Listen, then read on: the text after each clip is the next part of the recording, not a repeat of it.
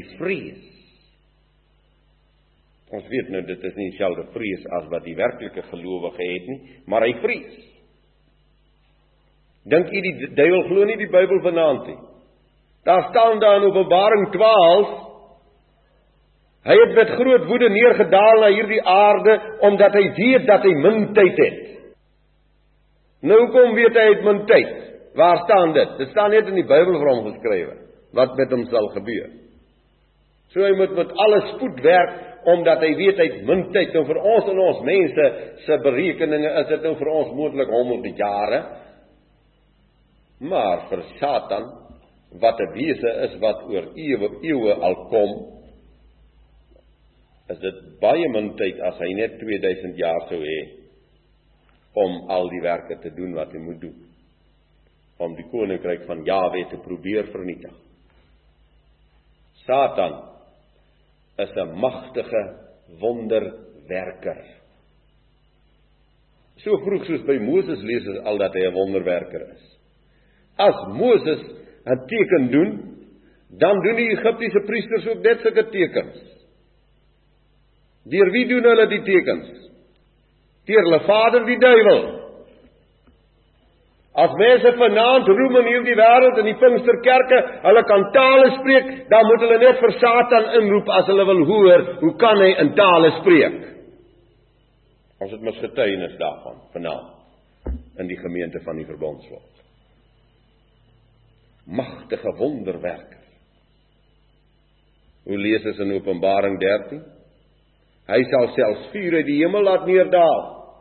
Hy sal magtige dade doen hierdie een wat sal staan in die plek van die Messia op aarde. Magtige wonders sal hy doen. En die mense, die nasies van die aarde sal agter hom aanloop. Hy's 'n magtige wonderwerker. So skerp sal u en my onderskeiding moet wees deur die genade van die Heilige Gees. Hy's 'n uitmuntende toneelspeler. 'n Engel van die lig.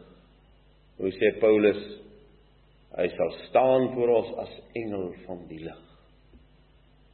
Ek wonder altyd in hoe gestalte het hy voor Eva gestaan. Hy moet as 'n besondere mooi gestalte voor hierdie volmaakte vrou gestaan het. Toneelspeler by uitnemendheid. En nou weet ons tog nou hoe groot het die toneelspel geword in die godsdienstige wêreld agter wille van ons ou kindertjies laat hulle kan wakker bly wat ook in die aanddiens toe kom. Ek is so bly oor julle. Sommige nog daar in die kweekskool het hulle vir my gesê, dis nou die ou predikante wat nou geglo het jy moet daarom netjies voordra. Jy moet nou nie so stamel hakel soos ek soms nie. Jy moet die ding mooi op lyn doen. Laat hy so aan die kant aantekening het nou die ou preke gekry. Daar die predikant hier langs aan geskryf as hy nou sy preek geskryf, skryf hier in die kantlyn. Heil bietjie hier. Slaan bietjie hier hard op die preekstoel. So, uitmuntende toneelspeler. Nou in die tyd waarin ons lewe, ken ons mos die manne wat hierdie groot tentkerke hanteer. Kyk, jy moet net 'n toneelspeler wees om dit te kan doen. Want jy kan nie so 'n massa mense gool as jy nie toneel speel nie. Uitmuntende toneelspeler. Satan. Satan weet hoe. Hy is 'n kulkunstenaar elke dag in hierdie wêreld. En hy gebruik die godsdiens en hy gebruik die Bybel en hy gebruik gebed en noem op. Hy's verder 'n wêreldregerder. So magtig dat hy vir Yeshua in sy vlees word geworden dat hy vir Yeshua sê kniel net kniel net voor my en die koninkryke van die aarde is joune. Wêreldregerder. So hy regeer in hierdie wêreld waarin ons vanaand leef, regeer hy oor die godsdiens van die wêreld. En daarom het die wêreld oor sy totaliteit een groot strewe en dit is om een groot kerklike gemeenskap te word. Satan moet aanbid word. En daarom gebruik hy ook hierdie wêreldregeringsmag wat hy verkry het om die nasies te verlei soos daar staan in die Bybel. Hy het hierdie mag gekry om die nasies te verlei. En dan sal u lees in Openbaring 20, hy word gebind sodat hy die nasies nie sal verlei nie en hy word weer aan die einde van die rykstyd ontbind sodat hy die nasies sal verlei. Nou waarin is sy magtigste verleiding? Natuurlik in die godsdiens. Yeshua sê hy is 'n adamitiese moordenaar. Nou in ons Bybel staan mos nou mense moordenaar, maar skryf maar die korrekte woord in want daar is nog mense op die aarde, maar hy's 'n adamitiese moordenaar. Hy's 'n moordenaar van die geslag van Jawe. Hy staan met al sy woede en al sy koring staan hy teen die volk van Jawe. En as hy ons vanaand kan vernietig, sal hy ons almal vernietig. En daarom het Yeshua aan sy hoë priesterlike gebed gebid in Johannes hoofstuk 17: Vader, ek bid nie vir die wêreld nie, maar ek bid vir die wat U my gegee het, wat aan U behoort. En ek vra nie dat U hulle uit die wêreld sal wegneem nie, maar dat U hulle van die bose sal bewaar.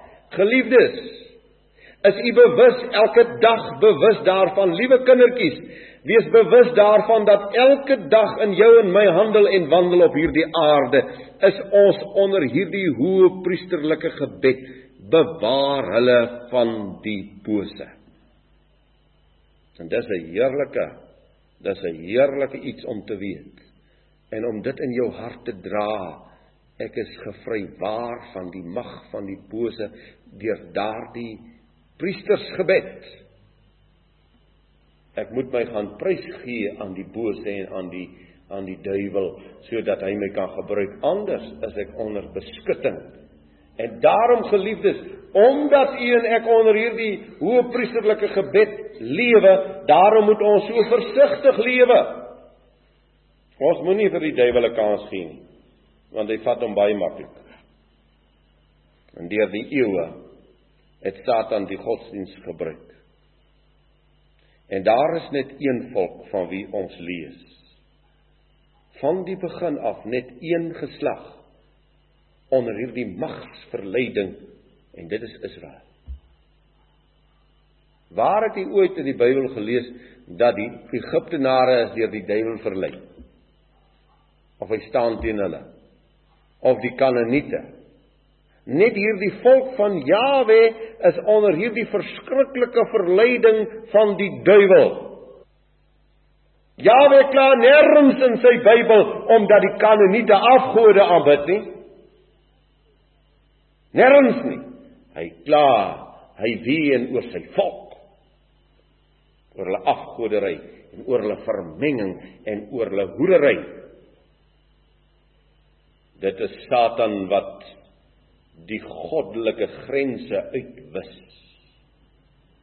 Dis hy wat kom met sy vryheidsleer in die tuin van Eden. Dis hy wat kom met sy gelykheidsleer in die Babelbou. Dis hy wat kom met sy broederskapsleer in die magsryk van Rome. Saamgevat in die leer van Biliam en die Nikolaïte.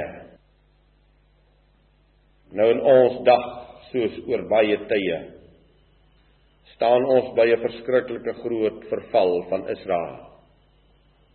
En haar sonde is vanweë haar Baal profete. Geliefdes, ek sê dit baie dikwels. Hierdie Afrikaner volk, hierdie wit volk in Suid-Afrika kan nooit getuimel het as die leraars op die kansels in die waarheid bly staan het nie, want daar is niemand wat soveel mense elke Sondag, elke week onder sy woord het as die leraars op die kansels nie. 'n Politikus moet baie moeite doen om 'n vergadering te kry. Groot plakate aan die palle ophang en 'n groot gedruis maak om 'n klompie mense vir sy vergadering bymekaar te kry. Maar die leraar hoef geen geraas te maak en ja, party lê daar in die klokke en hulle sit met duisende mense elke week wat luister na die woord wat by hulle mond uitgaan. So hierdie volk kon nooit getuimel het as die leraars op die kansels in die waarheid van die goddelike woord gebly het nie.